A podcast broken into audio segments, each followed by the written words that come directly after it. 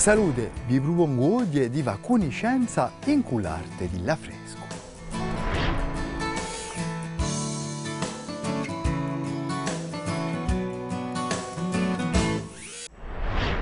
Quando uno si spasseggia verso il centro di Corsica, uno può cascare una di queste cappelle romaniche dette a affreschi.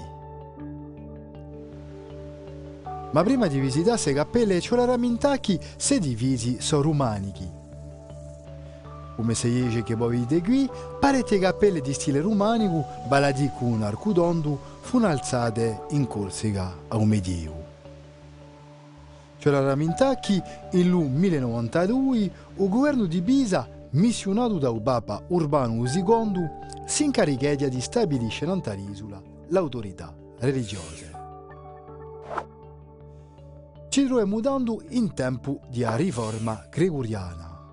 Ogni vescovato è diviso in pieve e ogni pieve accoglie parecchie comunità e tenne una iglia principale detta piuana. Tra l'undicesimo e il tredicesimo secolo sono alzate più di 500 iece in Corsica in un secolo, come iece di Carmidi, di San Fiorenzo o quella da Regno o di Murato.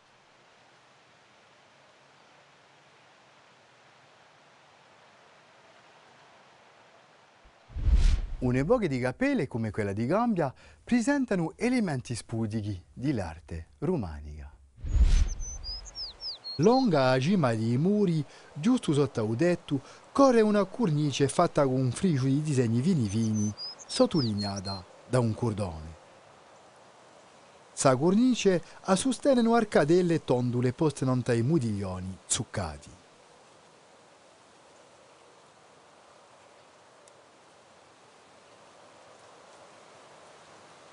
E qua va un dettaglio di una scultura di un timpano. Qui una parte di un muro è scalpirinata dentro all'arco sopra un portone di aiuta. Le cappelle dette a freschi, baladico e biture murale dentro, un si può spiccare da venuta di francescani in Corsica. Le cappelle romaniche sono edificate tra il XII e il XIII secolo, ma le pitture murali che non troviamo dentro datano per più del XV secolo. San Michele di Castilla, San Chirico in Cambia, San Tommaso in Castello di Rustino e tante cappelle romaniche che giovano ai francescani in sua missione pastorale del XV secolo. Ma com'è che li facevano pitture non i muri?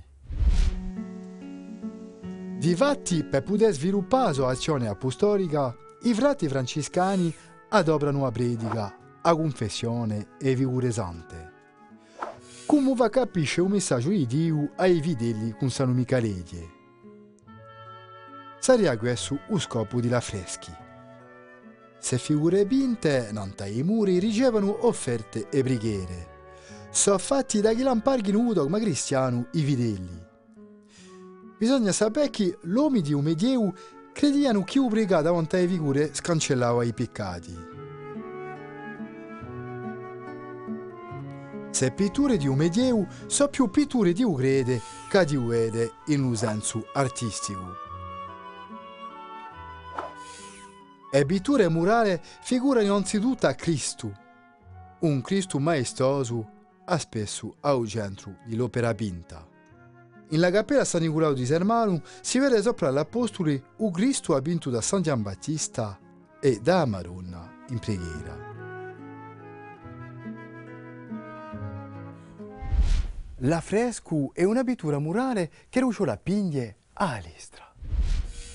A collettività territoriale di Corsica, in cui l'aiuto di specialisti, ha iniziato un lavoro di restaurazione di un'epoca di cappella a freschi come qui in Castilla. Ci dà l'occasione di parlare un po' di tecnica. Difatti, in un affrescuero c'è la piglia all'estra davanti una linta sempre fresca. Perciò a pittore gli tocca prima tracciare un disegno preparatorio chiamato sinoppia, non una prima mano di calcina. Dopo adappone una linta più fine e ad appiglia addosso.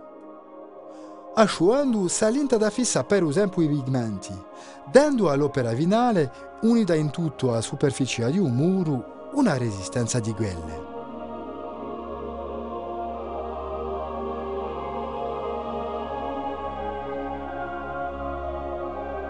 Immaginate che questi muri sono stati dipinti al XV secolo. Certo che queste cappelle dette a freschi facevano parte di tesori di un patrimonio artistico e culturale di